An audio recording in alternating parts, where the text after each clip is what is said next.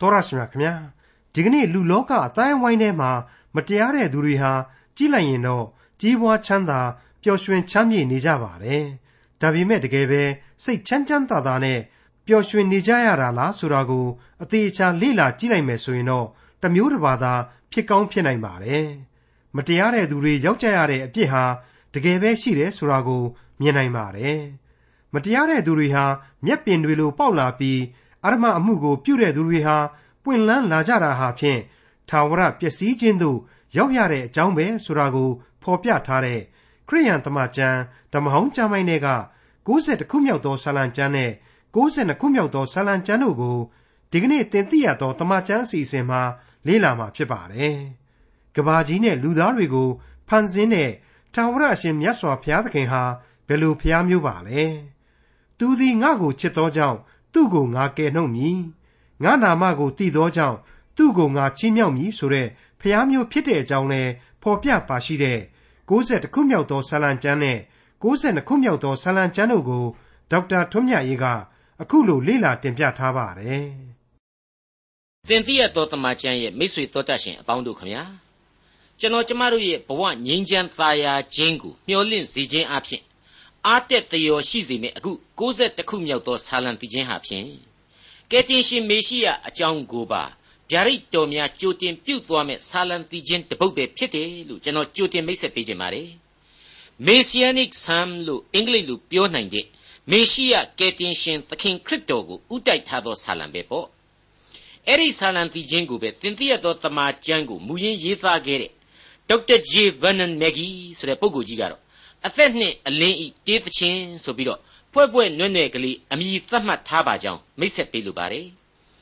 ကျွန်တော်သိထားပြီးခဲ့တဲ့အတိုင်းပဲပြီးခဲ့တဲ့60ခုမြောက်သောဆာလံသိခြင်းဟာသေခြင်းတရားအပေါ်မှာအခြေခံထားတဲ့ဆာလံဖြစ်ခဲ့တယ်အခု60ခုမြောက်ကတော့အသက်နှင့်အလင်းတေးသိခြင်းတဲ့အဲ့ဒီတော့အခြေခံအဖြစ်ဆန့်ကျင်ဘက်တရုပ်နှစ်ခုလို့နှိုင်းရှင်ရင်လည်းရရမှာပေါ့ဒါပေမဲ့ ဝိညာဉ်ခွန်အားကိုဖြစ်ပွားစေတဲ့နေရာမှာကတော့အတူတူကြီးပါပဲ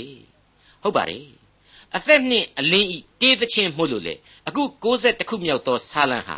ယုံကြည်သူခရိယန်တို့အဖို့အလွတ်ရွတ်ဆိုတတ်သောဆာလံသမိုင်းနှင့်ချီပြီးတော့လူသားတိုင်းနှစ်သက်မျက်နှိုးတဲ့ထင်ရှားကြော်ကြားလူကြိုက်များလာသောဆာလံလို့ဆိုခြင်းဆိုလို့ရနိုင်ပါတယ်စိတ်ကူးရင်ရင်ကလေးနဲ့အတွေးကောင်းတဲ့သူတည်တည်တချို့ကတော့ပြီးခဲ့တဲ့60ခုမြောက်သောဆာလံတည်ခြင်းဟာဖြင့် အာဒံကနေဆင်းသက်တဲ့လူသားတွေစာရန်နဲ့နပန်းလုံးရမှာပေါ်ထွန်းလာတဲ့ဆာလံတီချင်းဖြစ်တယ်။ဒါကြောင့်မလို့သေခြင်းရနံ့နေသင်ပြန်နေတယ်။မသိမသာတုန်လှုပ်စေတယ်။အခု60ခုမြောက်သောဆာလံကြတော့ယေရှုရဲ့ကယ်တင်ခြင်းအလင်းတရားကိုထင်ရှားစေသောဆာလံဖြစ်တယ်။ဒါကြောင့်မလို့တိတိသာသာအားတက်စေတယ်ဆိုပြီးတော့ဆန့်ကျင်သရုပ်အားဖြင့်ပိုင်းဖြတ်ကြတာကိုကြားဘူးပါတယ်။ဒါဟာလည်းအလွန်ကောင်းမွန်တဲ့ခွဲခြားမှုတစ်ခုပဲလို့ကျွန်တော်ယူဆမိပါတယ်။အခု 60ခုမြောက်သောဆာလံပြီးခြင်းဟာလူသားတို့အတွက်ဘလောက်ကောင်းမွန်တယ်လဲအကျိုးပြုတယ်လေခရစ်တော်နဲ့ဘလောက်တောင်မှသက်ဆိုင်ခြင်းရှိတယ်လေဆိုတာတွေ့ကိုယုံကြည်သူတို့ဖို့အသာထားစာရမဏတ်ကတောင်မှသိနာလေထားတဲ့ဆာလံဖြစ်တယ်သူ့ဘက်ကိုသူဆွဲယူသုံးဆွဲခဲ့တဲ့ဆာလံဖြစ်တယ်ဆိုတာကိုကျွန်တော်နားလည်လာကြရပါလိမ့်မယ်ဒီအကြောင်းကိုမကြခင်ကျွန်တော်ဆက်လက်ပြီးတွေ့ရတော့မှာပါ60ခုမြောက်သောဆာလံအငယ်1နဲ့2ကိုစတင်နားဆင်ကြည့်ကြပါစို့ အမြင့်ဆုံးသောဖျားဤကွယ်ကာယာဌာနတော်၌နေသောသူသည်အနန္တတကုရှင်အရေးကိုခိုရလိမ့်မည်ထာဝရဘုရားသည်ငါခိုလှုံရာငါဤရဲလိုက်ငါကိုးစားသောဘုရားသခင်ဖြစ်တော်မူသည်ဟုငါပြောဆို၏ကျွန်တော်ကိုမင်းတို့တွေအနေနဲ့အဲ့ဒီလိုဘုရားသခင်အကွယ်အကာကိုခံယူပြီးတော့အဲ့ဒီလိုဘုရားသခင်ကိုခိုလှုံမယ်ဆိုရင်အဲ့ဒီလိုပြောနိုင်ဆိုနိုင်လိမ့်မယ်ဆိုပြီးတော့အတိတ်ပဲပြန်ကြတာများပါတယ်ဆိုထတာက အမြင့်ဆုံးသောဖျားဤကွယ်ကာယာဌာနတော်၌နေသောသူသည်အနန္တတကုရှင်အရေးကိုခိုရလိမ့်မည်။ထာဝရဘုရားသည်ငါခိုလုံရာငါ၏ရဲလိုက်ငါကိုးစားသောဘုရားသခင်ဖြစ်သည်ဟုငါပြောဆို၏ဆိုပြီးတော့ဖော်ပြထားတာဆိုတော့အဲ့ဒီလိုအတိတ်ပဲပြန်မယ်ဆိုရင်လေမလွဲလှပါဘူး။ဒါပေမဲ့ဘုရားသခင်ရဲ့ဌာနတော်မှာလူသားဟာဇာတိပဂရိအယစိုက်လိုက်မတ်တက်ခိုးလုံခဲလာပါတယ်။အမှန်ကတော့အဲ့ဒီလိုဥပမာယူရလောက်တဲ့လူတစ်ယောက်ရှိတယ်ဟိ အဲ့ဒါဟာတခြားမဟုတ်ဘူးကယ်တင်ရှင်သခင်ခရစ်တော်ကိုယ်တိုင်ပဲဖြစ်တယ်ဆိုတာကိုခိုင်ခိုင်မာမာကြီးဖော်ပြလိုက်တာပါဟုတ်ပါတယ်ကယ်တင်ရှင်သခင်ခရစ်တော်ဟာအမြင့်ဆုံးသောအရတ်မှရှိတယ်စံပယ်နေတော်မူတယ်သူကိုယ်လေအနန္တတကုရှင်ဘုရားသခင်ဟာအယိတ်ပမာအကွယ်အကာပြုတ်လျက်နေတယ်ဆိုတဲ့အချက်ကိုလေးနဲ့စွာဖော်ကျူးပြသလိုက်ခြင်းပါပဲအဲ့ဒီလိုကျွန်တော်ကဘာသာပြန်လိုက်တာ ਨੇ ခရစ်တော်တခြားဘုရားသခင်တခြား နှစ်ပိုင်းကွဲပြားအောင်လှုပ်သလားလို့တော့မမေးကြပါနဲ့သုံးပါးတဆူဖြစ်တော်မူသောဘုရားသခင်ဟာခမည်းတော်သားတော်ဝိညာဉ်တော်ဆိုပြီးတော့နာမတော်သုံးခုခွဲလို့ရနိုင်တယ်လို့ပေါင်းစုလို့လည်းရတယ်ကမ္ဘာလောကနဲ့အပြစ်လူသားကိုကယ်တင်ဖို့နဲ့တရားစီရင်ဖို့ဆိုတဲ့ကဏ္ဍမှာကယ်တင်ရှင်မေရှိယအဖြစ်သီးသန့်နားလေခံယူစေဖို့ရန်အခုလိုသီးသန့်ဂုံပြုဖွဲ့ဆိုလိုက်တာပဲဖြစ်ပါတယ်ဥပမာပေးရမယ်ဆိုရင်တော့အလွန်လွယ်ပါတယ် တခုမြောက်သောဆာလံပီခြင်းမှာမတရားသောသူများကိုကိုစားပြုတဲ့စာရန်ရေမင်္ဂလာရှိသောသူတို့ကိုဥဆောင်တဲ့ခရစ်တော်ရေရုပ်ဝါနှစ်ခုကိုအပြိုင်ဖော်ပြထားခဲ့ပါတယ်ဒါဟာလူသားတို့ခံယူနားလေသဘောပေါက်အောင်လို့မင်္ဂလာရှိသောသူဆိုပြီးတော့တင်စားလိုက်တာဖြစ်ပါတယ်အခုရေဒီယိုနဘေးမှာနားထောင်နေကြတဲ့မိษွေတို့ကျွန်တော်တို့အနားမှာအနီးကပ်ဆုံးအသက်ရှင်သန်နေတာကတော့ဥဆောင်လမ်းပြနေတာကတော့ တန်ရှင်းသောဝိညာဉ်တော်ဆိုပြီးတော့ခွဲချမ်းလို့တဖန်ရနိုင်ပြန်ပါ रे ဒါတွေအကုန်လုံးဟာအမြင့်ဆုံးသောဘုရားသခင်ဤတန်ရှင်းသောသရုပ်ခွဲများလို့ဆိုနိုင်ပါလိမ့်မယ်60ခုမြောက်သောစာလံအငယ်3မှ6အကယ်စင်စစ်မုတ်ဆိုးဤကြော်ခွင်းနှင့်၎င်းသေရသောအနာနှင့်၎င်းသင်ကိုကင်းလွတ်စေတော်မူမည်အတောင်တော်အမွေးနှင့်ဖုံးအုပ်တော်မူ၍အတောင်တော်အောက်၌သင်သည်လုံခြုံစွာနေရလိမ့်မည်သစ္စာတော်သည်သင်ဤဒိုင်းလွှားဖြစ်လိမ့်မည်ညအခါ ဖြစ်တတ်သောဘေးကို၎င်းနေ့အချိန်၌ပြစ်သောမြားကို၎င်းမှောင်မိုက်ထဲမှလေရသောကာလနာကို၎င်းမွန်းတဲ့အချိန်၌ဖြစ်စည်းတတ်သောဥပတ်ကို၎င်းသင်သည်မကြောက်ရစောစောပိုင်းတုန်းကကယ်တင်ရှင်မေရှိယသို့မဟုတ်မင်္ဂလာရှိသောသူရဲ့အကြောင်းကိုဗျာဒိတ်ပြုတဲ့အချက်အဖြစ်ကျွန်တော်ဖော်ပြခဲ့ပါတယ်အခုအချိန်မှကျတော့မင်္ဂလာရှိသောသူနှင့်အတူယုံကြည်သူများအားလုံးဟာ ဘယ်လိုစုကျေးဇူးတော်များကိုခံစားရမယ်ဆိုတာကိုဆက်လက်နားလည်စေအောင်လို့ဆာလံတီချင်းဟာဖော်ကျူးလိုက်ပါတယ်ကျွန်တော်ဟာလွန်ခဲ့တဲ့နှစ်ပေါင်းအတန်ကြာလောက်တုန်းကဒနုပြူမျိုးမှာကျင်းပခဲ့တဲ့ဟင်္ဒရာနယ်စီဝေးကြီးအကြောင်းကိုသွားပြီးတော့သတိရမိပါတယ်အဲ့ဒီစီဝေးကြီးမှာကျွန်တော်ရဲ့သားကလေးအပါအဝင်ကလေးငယ်လေးတွေဟာစန်းစာရွတ်ပြိုင်ပွဲမှာအခုဆာလံ61ကိုရွတ်ဆိုပြိုင်ဆိုင်ခဲ့ကြပါတယ် ကလေးသူငယ်ကလေးတွေဆိုတော့စုရခြင်းလို့လို့အပြင်းအထန်လေ့ကျင့်ပြီးတော့ပြိုင်ပွဲဝင်ခဲ့ကြတာကိုတွေ့ရပါတယ်ပျော်စရာလည်းအလွန်ကောင်းလှပါတယ်ကျွန်တော်သားကလေးကလေဒုတိယစုရတော့ဝန်းသာလို့ပေါ့ကျွန်တော်ကတော့သားရည်စုရရမရရဒီဆာလံ61ကို61ခုမြောက်သောဆာလံကိုအလွတ်ရဖို့ကပို့ပြီးတော့အရေးကြီးတယ်ဒါအပြင်ဒီဆာလံကိုမေ့မပစ်ဖို့နဲ့အလေးအနက်နားလေဖို့ကပို့ပြီးအရေးကြီးတယ်ဆိုပြီးတော့ဆုံးမခဲ့ရပါတယ်အခုအပိုင်းတွေဟာဆိုရင် ဗျာဒိတ်တော်တွေအနာဂတ်တိတွေကြီးပဲလို့ကျွန်တော်မခံယူပါဘူးသုံးပါးတဆူဘုရားသခင်ကိုအာကိုခိုလုံသောလူတိုင်းအတွက်ဝိညာဉ်ခွန်အားများဖြစ်စေတဲ့ကြမ်းကြက်များတာဖြစ်တယ်လို့အလေးအနက်တင်ပြလိုက်ပါရစေ60ခုမြောက်သောဆာလံအငယ်9မှ10သင်ဤအနာမှလူတစ်ထောင်သင်ဤလက်ရဘက်မှလူတစ်သောင်းလဲတော်လေသင်ကိုမထိမခိုက်ရသင်သည်ကိုမျက်စိနှင့်ကြည့်၍မတရားသောသူတို့၌ရောက်ရသောအပြစ်ကိုမြင်ုံမျှသာရှိလိမ့်မည် ထာဝရဘုရားသည်ငါခိုလုံရာဖြစ်တော်မူ၏ဟုသင်သည်ဆို၍အမြင့်ဆုံးသောဘုရား၌နေရာကျသောကြောင့်သင်၌မကောင်းသောအနိဋ္ဌယုတ်မကတ်မရောက်သင်နေရာသို့ဘေးဥပတ်မချင်းရဆက်လက်တွေ့မြင်ရတဲ့ဒီအချက်တွေအကုန်လုံးဟာယုံကြည်သူကျွန်တော်တို့အတွက်အလွန်တန်ဖိုးကြီးလာတဲ့အချက်တွေပဲလို့ကျွန်တော်ဆိုချင်ပါတယ်ပတ်ဝန်းကျင်ကိုလှည့်ကြည့်ပြီးတော့သွေးလေခြောက်ချတတ်တဲ့လူတွေအားငယ်တတ်တဲ့လူတွေမစ္စရိယစိတ်ဝင်တတ်တဲ့လူတွေကိုအားပေးနေပါတယ် တစ်ချိန်တည်းမှာကိုယ့်ရဲ့ယုံကြည်ခြင်းဟာလေပတ်ဝန်းကျင်နဲ့ရောပြီးတော့ရိမ့်ရွယ်ပါဖြစ်မသွားစေဘူးဝေလေလေဖြစ်မသွားစေဘူးမရိမ့်ရိုင်စေနိုင်ဖို့အတွက်ခွန်အားပေးဖော်ပြနေပါတယ်ကျွန်တော်မကြာခဏကိုးကားနေကြဓမ္မပညာရှင်ကြီးဒေါက်တာဂျေဘဲလင်ဆိုတဲ့ပုဂ္ဂိုလ်ကြီးကတော့ဒီအပိုင်းဟာကယ်တင်ရှင်မေရှိယအပေါ်မှာအဖဖျားသခင်ရဲ့စောင့်ရှောက်တော်မူခြင်းအကြောင်းကိုဖော်ပြတယ်လို့အဓိပ္ပာယ်ဖွင့်ဆိုပါတယ်ဘယ်သောအခါမျှမပြည့်စည်နိုင်သောကယ်တင်ရှင်မေရှိယရဲ့ အနန္တစွန့်ပကားနဲ့ရှင်သန်တော်မူခြင်းကိုဖော်ပြနေတယ်လို့လည်းသူကဖော်ပြပါတယ်ဟုတ်ပါတယ်ပြေဝစုံလင်ခြင်းရှိတဲ့ယေရှုအပြည့်အရှင်းကင်းမဲ့တဲ့သခင်အမြင့်ဆုံးသောဖခင်၌နေရာကျခဲ့တဲ့ခရစ်တော်ဟာဖျားစစ်စစ်အနေနဲ့ဘာဥပတ်ဘာအန်ဒီယေကိုမှမှုเสียအကြောင်းမရှိပါဘူးသူဟာကယ်တင်တော်မူခြင်းအမှုတော်အတွက်သာလျှင်ဇာတိပဂရိလူသားတဦးအနေနဲ့ဇာတိပဂရိလူသားတို့ခံစားရ အနိဋ္ဌာယုံများကိုရင်ဆိုင်သွားခဲ့တာပဲဖြစ်ပါတယ်။ဒဒါဟာကျွန်တော်တို့အားလုံးအတွက်ပါကျွန်တော်ရဲ့ယုံကြည်ချက်ကိုဒီနေရာမှာဖြစ်ဆွက်ခွင့်ပြုပါအခု60ခုမြောက်တဲ့ကပြေဝစုံလင်ခြင်းဆိုတဲ့အဆင့်ကိုကျွန်တော်လူသားဟာကိုယ်စွန့်ပကားနဲ့ကိုတော့မမိနိုင်တာအမှန်ပဲဖြစ်ပါလေကိုယ်ပတ်ဝန်းကျင်ရဲ့လဲပြိုမှုပျက်စီးမှုတွေရဲ့ကြားမှာသာမန်အနေနဲ့ကျွန်တော်အမှန်တကယ်ပင်ကျွန်တော်ကိုယ်ကိုကျွန်တော်မယက်တည်နိုင်ကြပါဘူးဒါပေမဲ့ ကယ်တင်ရှင်သခင်ခရစ်တော်ရဲ့လက်တော်ကိုဆွဲကင်ထားရမယ်တန်ရှင်းသောဝိညာဉ်တော်ရဲ့ခွန်အားကိုတောင်းခံလမ်းပြခြင်းကိုခံယူရမယ်လို့ကျွန်တော်ဆိုချင်ပါတယ်အဲ့ဒါဆိုရင်နှုတ်ကပတ်တော်မှမြင်ရတဲ့62ခုမြောက်သောဆာလံဟာကယ်တင်ရှင်မေရှိယအတွက်ထောမနာပြုသောဗျာဒိတ်ဖြစ်တယ်လို့ကျွန်တော်အတွက်လက်ငင်းအသက်ဝင် ရှင်သန်စေမဲ့ဆာလံဖြစ်တဲ့အကြောင်းကျွန်တော်သေချာစွာအတိတ်ပဲဖွင့်ဆိုလိုပါတယ်။သခင်ခရစ်တော်အားယုံကြည်ခြင်းအားဖြင့် ကိုယ်ပတ်ဝန်းကျင်မှာလူတစ်ထောင်လူတစ်သောင်းဘယ်လိုပင်လဲနေတော်လဲမထိကြိုက်တဲ့ဝိညာဏလူသားများပတ်ဝန်းကျင်ရဲ့အပြစ်များကိုကာသတ်နိုင်သောသူများဖြစ်နိုင်ကြပါစေလို့မိษွေများအားလုံးတို့အတွက်ကျွန်တော်သင်သိရသောသမာကျမ်းကဆုတောင်းပေးလိုက်ပါတယ်60ခုမြောက်သောဆာလံအငယ်7မှ16အဆုံးအထိသွားလေရာရာ၌သင်ကိုစောင့်ရှောက်စေခြင်းဟာကောင်းငင်တမန်တို့အားသင်အဖို့မှားထားတော်မူသည်ဖြစ်၍ သင်၏ခြေကိုကြောက်နှင့်မထိမခိုက်စေခြင်းဟာသူတို့သည်သင်ကိုလက်နှင့်မဆချီပင်ကြလိမ့်မည်သင်သည်ရှင်သေးနှင့်မွေစိုးအပေါ်မှကြော်သွား၍ရှင်သေးပြိုနှင့်နဂါးတို့ကိုခြေဖြင့်နင်းလိမ့်မည်သူသည်ငါကိုချစ်သောကြောင့်သူ့ကိုငါကယ်နှုတ်မည်ငါ၏နာမကိုသိသောကြောင့်သူ့ကိုငါချီးမြှောက်မည်သူသည်ငါကိုခေါ်သောအခါငါထူးမည်ဒုက္ခခံရသောအခါသူ့ဘက်မှငါနေ၍ချမ်းသာပေးမည်သူ၏ဘုံကိုလည်းထင်ရှားစေမည် ရှည်သောအသက်နှင့်သူ့ကိုရောင်ရဲစေ၍ငါ၏ကယ်တင်ခြင်းကျေးဇူးကိုသူ့အားပြမည်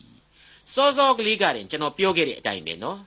ဒီအချက်ကိုစာရမဏတ်ကအကိုအကပြုပြီးတော့ခရစ်တော်ကိုဆွဲတရားဟောခဲ့တာပါဒါကိုရှင်လုကာခရစ်ဝင်ကျမ်းအခန်းကြီး၄အငယ်6ကနေ73အတွင်းမှာပြန်ဖတ်မယ်ဆိုရင်အခုလိုတွေ့နိုင်ပါတယ်တဖန်မာနတ်သည်ယေရှုကိုယေရုရှလင်မြို့သို့ခေါ်သွား၍ဗိမာန်တော်၏အထွတ်၌တင်ထားပြီးလျှင် ကျမ်းစာလာသည်ကသင်ကိုစောင့်ရှောက်စေခြင်းကကောင်းကင်တမန်တို့အားသင်အဖို့မှားထားတော်မူသည်ဖြစ်၍သင်၏ခြေကိုကြောက်နှင့်မထိမခိုက်စေခြင်းဟာသူတို့သည်သင်ကိုလက်နှင့်မဆချီပင့်ကြလိမ့်မည်ဟုလာ၏ထို့ကြောင့်ကိုတော်သည်ဘုရားသခင်၏သားတော်မှန်လျင်ဤအထွတ်မှကိုကိုအောက်သို့ချလိုက်တော်မူပါဟုလျှောက်လေ၏ယေရှုကလည်းသင်၏ဘုရားသခင်ထာဝရဘုရားကိုသင်သည်အစုံအစမ်းမပြုတ်ရဟုကြံစကားရှိသည်ဟုပြန်ပြောတော်မူ၏ ထို့သောမနတ်သည်စုံစမ်းသွေးဆောင်ခြင်းအမှုအလုံးစုံတို့ကိုအကုန်အစင်ပြုတ်ပြီးလျှင်အထံတော်မှထွက်သွား၍ကာလအတန်အရာနေလေ၏အဲ့ဒီလိုစာရမဏတ်ဟာကျမ်းစာကိုပြန်ပြီးတော့ဆွဲယူတဲ့နေရာမှာသူဘလောက်မလိမ့်တပတ်လုတ်တက်တယ်ဆိုတာကိုကျွန်တော်ရှင်းရှင်းကြီးမြင်ရပါတယ်ဆာလံတီချင်းမှာကသွားလေရာရာ၌သို့မဟုတ် in all the ways ဆိုတဲ့အချက်ပါဝင်ပါတယ်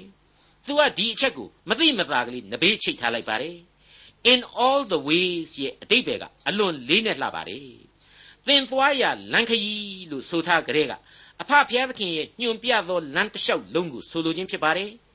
အဲ့ဒါကိုစာရမဏတ်ဟာခရစ်တော်ကပဲထင်ရှားလျှောက်သွားနေတယ်ဆိုတဲ့ပုံစံမျိုးဖြစ်အောင်လို့ကုလီကမာလှုပ်လိုက်ခြင်းပဲလို့ကျွန်တော်အတိတ်ပဲပြန်ဆိုခြင်းပါတယ်စာရမဏတ်ဟာအဲ့ဒီလောက်အထိ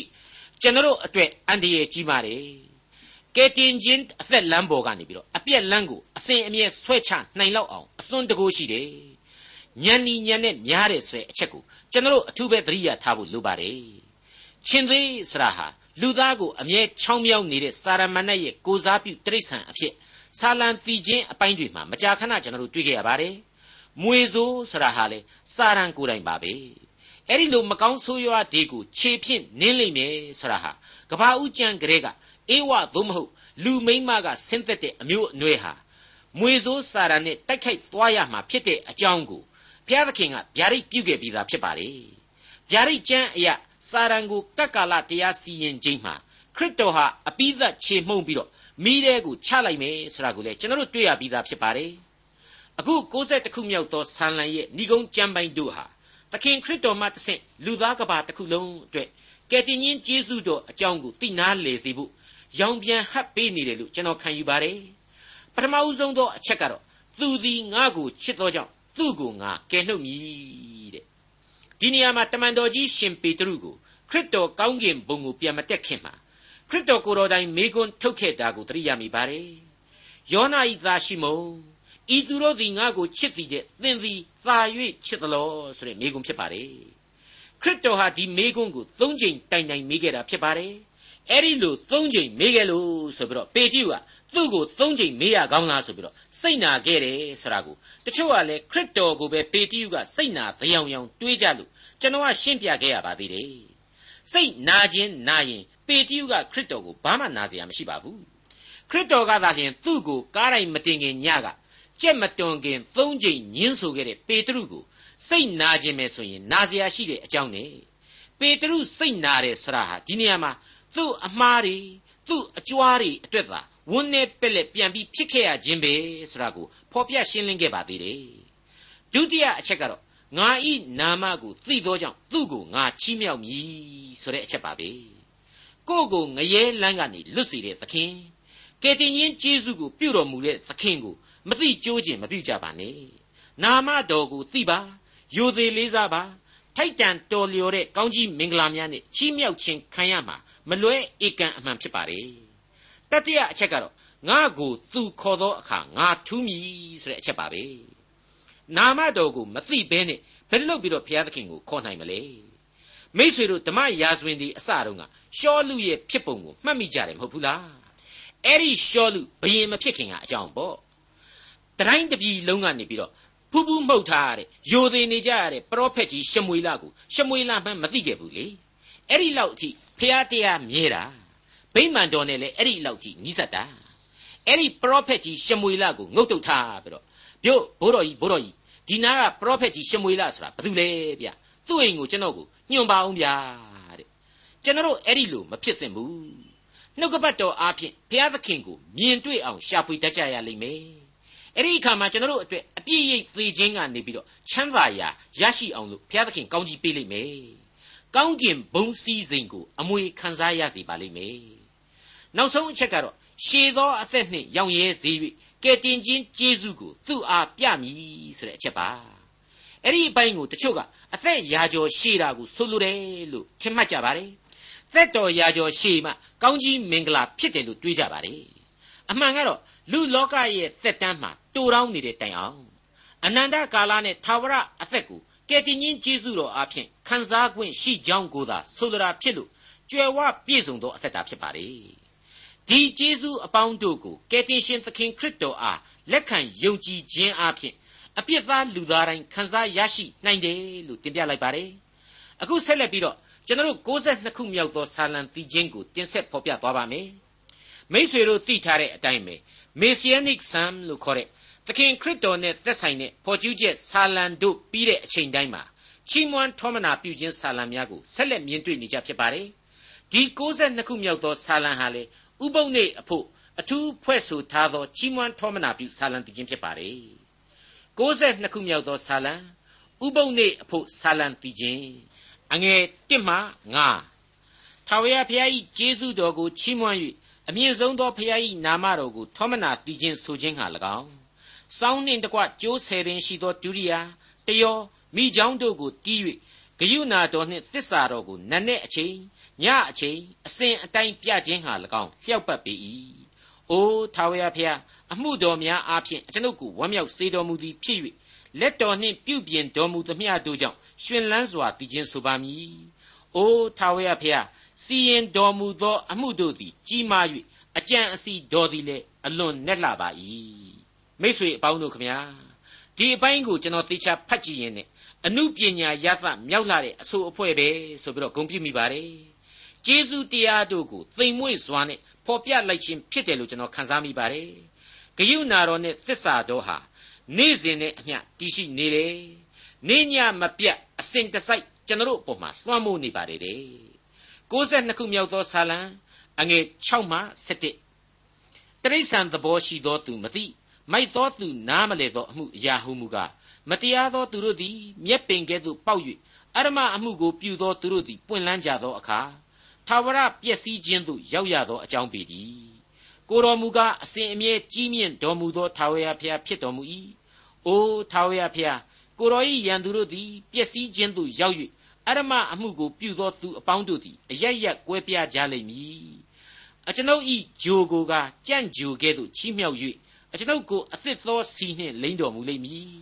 အကျွန်ုပ်၏ရန်သူတို့ကိုအကျွန်ုပ်မျက်စိမြင်လျက်ရန်ဘက်ပြုလိုသော လူဆိုးတို့အကြောင်းကိုနားကြားလျက်အကျွန်ုပ်သည်အားရပါလိမ့်မည်မိษွေအပေါင်းတို့ခမညာ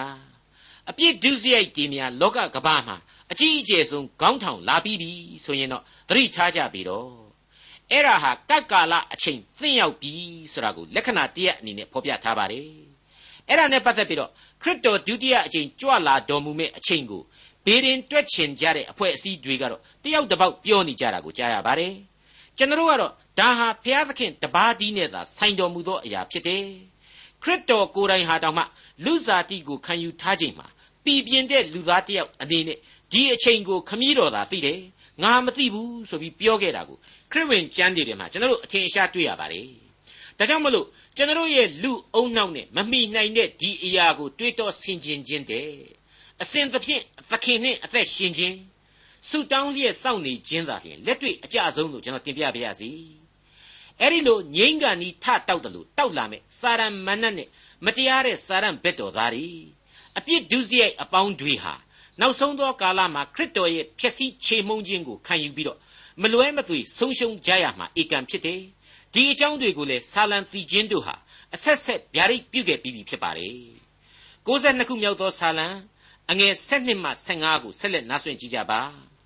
ဖြောင့်မတ်သောသူသည်စွန်ပလွန်ပင်ကဲ့သို့ပွင့်လန်း၍လေပနုံတောင်ပေါ်မှအာရစ်ပင်ကဲ့သို့ကြီးပွားလိမ့်မည်ထာဝရဘုရား၏အိမ်တော်၌စိုက်ပျိုးသောသူတို့သည်ငါတို့ဘုရားသခင်၏တတိုင်းတော်တွင်ပွင့်လန်းကြလိမ့်မည်အသက်ကြီးသောကာလတွင်ပင်အသီးကိုသီး၍ ကြွယ်ဝစိမ့်လန်းကြလိမ့်မည်ထိုသို့သောအဖြစ်ငါ၏ကြောက်ထာဝရဘုရားသည်ဖြောင့်မတ်တော်မူ၍မတရားသောအမှုနှင့်ကင်းလွတ်တော်မူသည်ဟုထင်ရှားလိမ့်သည်ဒါဝိမင်းကြီးရဲ့ခေတ်ကာလမှာလေဗနုန်တောင်ဆရာဟာအတော်ကြီးအရေးပါအရာရောက်ခဲ့ပါတယ်အာရစ်ပင်ဆရာဟာလေရှေးခေတ်ဣသရေလတို့အဖို့အဓိကသစ်တစ်မျိုးပါပဲကျွန်တော်မြန်မာနိုင်ငံနဲ့နှိုင်းမယ်ဆိုရင်တော့ကျွန်းသစ်ပေါ့ပြင်းကလေးပေါ့မိษွေတော်တတ်ရှင်အပေါင်းတို့ခမညာ အမှန်တကယ်တော့မင်္ဂလာရှိသောသူထာဝရဘုရား၏တရားတော်၌မွေ့လျော်သောသူဖြောင့်မတ်သောလူတို့အဖို့ဟာဒီလူတွေရဲ့အသက်တာဟာမြင့်သောတောင်ပေါ်မှာတန်ဖိုးရှိသောတစ်ပင်ကဲ့သို့ဖြစ်လိမ့်မည်ဆိုတဲ့အချက်ကိုဒီဆာလံတီချင်းဟာဂုံပြုတင်စားလိုက်တာဖြစ်ပါတယ်တခုမြောက်သောဆာလံမှာတော့ကမင်္ဂလာရှိသောသူဟာမြင့်နားမှာစိုက်လျက်အချိန်တန်မှအသီးကိုတီး၍အရွက်မညှိုးနှွမ်းတတ်သောအပင်နှင့်တူလိမ့်မည်ဆိုပြီးတော့ဆိုဖွဲ့တာမျိုးနဲ့ဆင်တူပါတယ် ဆာလံဆရာဂီတစာဆိုတော်များဟာသူတို့ရဲ့ခေတ်ကာလနဲ့သူတို့တွေ့ကြုံရတဲ့ခံစားရသောဘဝအတွေ့အကြုံတွေပေါ်မှာသူတို့ရဲ့အမြင်တွေကိုအခြေခံပြီးတော့ဆာလံတီချင်းများကိုရေးဖွဲ့နေကြတာဖြစ်ပါတယ်အဲ့ဒီလိုရေးဖွဲ့တာဟာအဓိကအားဖြင့်ဘုရားသခင်ကိုချီးမွမ်းထောမနာပြုကြဖို့ဖြစ်ပါတယ်ဂုံတော်ကိုကျေးဇူးတော်ချီးမွမ်းဖွင့်ဆိုဖို့ဖြစ်ပါတယ်အဲ့ဒီလိုဘုံတော်ကိုထင်ရှားစေတဲ့ဆာလံတီချင်းများအားဖြင့်ကျွန်တော်ယုံကြည်သူတွေအဖို့အလွန်ကောင်းတဲ့အဆုံးအမတွေ ဗျာဒိတ်တော်တွေကိုကျွန်တော်ခန်းစားထိတွေ့လာရပါတယ်ဆာလံတီချင်းတို့ကိုရေးသားသူလူသားတို့ရဲ့စိတ်ဝိညာဉ်များအပေါ်မှာဘုရားသခင်ရဲ့ဝိညာဉ်တော်ဟာသွန်းလောင်းခဲ့တယ်လမ်းပြခဲ့တယ်သူတို့ကိုဝိညာဉ်တော်သွန်းလောင်းလမ်းပြသလိုကျွန်တော်ယုံကြည်သူများအပေါ်မှာလေတန်ရှင်းသောဝိညာဉ်တော်ဟာအစဉ်တစိုက်ဥဆောင်ပြီးတော့နှုတ်ကပတ်တော်တမာတရားလမ်းအတိုင်းရှောက်သွားနိုင်ဖို့ရန်အတွက်ကောင်းကြီးပေးလိုက်တယ်လို့ကျွန်တော်ခံယူပါတယ် 60ခုမြောက်သောဆာလံတုံးကရှည်သောအသက်နှင့်ရောင်ရဲစေမယ်ဆိုတာကိုဖော်ပြခဲ့ပါတယ်အခု62ခုမြောက်သောဆာလံပြီးခြင်းမှာကြတော့အသက်ကြီးသောကာလတွင်ပင်အသီးကိုတီး၍ဆိုပြီးတော့တင်စားဖွဲ့ဆိုလိုက်ပါတယ်မိတ်ဆွေများခမညာဒါဟာလူအချင်းချင်းပေးလို့မရနိုင်တဲ့ဆုမင်္ဂလာများပဲဖြစ်ပါတယ်ငါသားကြီးဘုံကြီးလို့သက်ရှိပါစေအန်ဒီယကင်းဘေးရှင်လို့ကြံတိုင်းအောင်ဆောင်တိုင်းမြောက်ပါစေမျက်နာမြင်ချစ်ခင်ပါစေ သက်တော်ရာကျော်ရှေးပါစေစတဲ့ဆုတွေကိုလူအချင်းချင်းပေးဖို့လူသားတွေဟာအင်မတန်ဝါသနာပါကြပါတယ်ပါဇက်ပေးပေးလို့သာရတယ်အမှန်တကယ်လာတာကတော့အဖဖျားသခင်စီကသာဖြစ်ပါတယ်60ခုမြောက်သောဆာလံရဲ့ဏိဂုံးပိုင်းမှာသူသည်ငါကိုချစ်သောကြောင့်သူ့ကိုငါကယ်နှုတ်မည်ငါဤနာမကိုသိသောကြောင့်သူ့ကိုငါချီးမြှောက်မည်သူသည်ငါကိုခေါ်သောအခါငါထူးမည်ဒုက္ခခံရသောအခါသူ့ဘက်မှငါနေ၍ချမ်းသာပေးမည် သူ၏ဘုန်းကိုလည်းထင်ရှားစေမည်ရှည်သောအသက်နှင့်သူ့ကိုရောင်ရဲစေ၍ငါဤကယ်တင်ခြင်းကျေးဇူးကိုသူ့အားပြမည်လို့ဖော်ပြခဲ့သလို62ခုမြောက်သောဆာလံရဲ့ဏိဂုံးပိုင်းမှာကြတော့ဖြောင့်မတ်သောသူသည်စွန်ပလွန်ပင်ကဲ့သို့ပွင့်လန်း၍လေဗနွန်တောင်ပေါ်မှအာရစ်ပင်ကဲ့သို့ကြီးပွားလိမ့်မည်ထာဝရဘုရား၏အိမ်တော်၌စိုက်ပျိုးသောသူတို့သည်ငါတို့ဘုရားသခင်၏တတိုင်းတော်တွင်ပွင့်လန်းကြလိမ့်မည်အသက်ကြီးသောကာလတွင်ပင်အသီးကိုသီး၍ ကြွယ်ဝစိမ့်လန်းကြလိမ့်မည်ထိုသောသောအဖြစ်ငါ၏ကြောက်ထာဝရဘုရားသည်ဖြောင့်မတ်တော်မူ၍မတရားသောအမှုနှင့်ကင်းလွတ်တော်မူသည်ဟုထင်ရှားလိမ့်သည်ဆိုပြီးတော့ဖော်ပြထားပါတယ်အဓိကအားဖြင့်တော့ထာဝရအသက်ဆိုတဲ့အနန္တကာလရှင်သန်ခွင့်ကိုဘုရားသခင်ပေးပါတယ်ဒါဟာကယ်တင်ရှင်စုကျေးဇူးတော်ဆိုပြီးတော့ကျွန်တော်တို့ကနားလေခံယူထားကြပါတယ်တစ်ချိန်တည်းမှာယခုဘဝနဲ့ပတ်သက်တဲ့ကောင်းကြီးမင်္ဂလာတွေကိုလည်းသခင်ပေးစွန့်နိုင်ပါတယ် သူဟာလူသားနဲ့လောကကိုဖန်ဆင်းပိုင်သသူမှုသူ့မှာမတတ်နိုင်တဲ့အရာဘာမှမရှိကြောင်းထင်ရှားလျက်ရှိနေပါတယ်ခင်ဗျာဒေါက်တာထွန်းမြတ်ရေးစီစဉ်တင်ဆက်တဲ့တင်ပြရသောတမချန်းအစီအစဉ်ဖြစ်ပါတယ်နောက်တစ်ချိန်အစီအစဉ်မှာခရိယန်တမချန်းဓမ္မဟောင်းကျမ်းပိုင်းမှာပါရှိတဲ့63ခုမြောက်သောဆာလံကျမ်းကနေ69ခုမြောက်သောဆာလံကျမ်းအထိကိုလေ့လာမှာဖြစ်တဲ့အတွက်စောင့်မျှော်နားဆင်နိုင်ပါတယ်။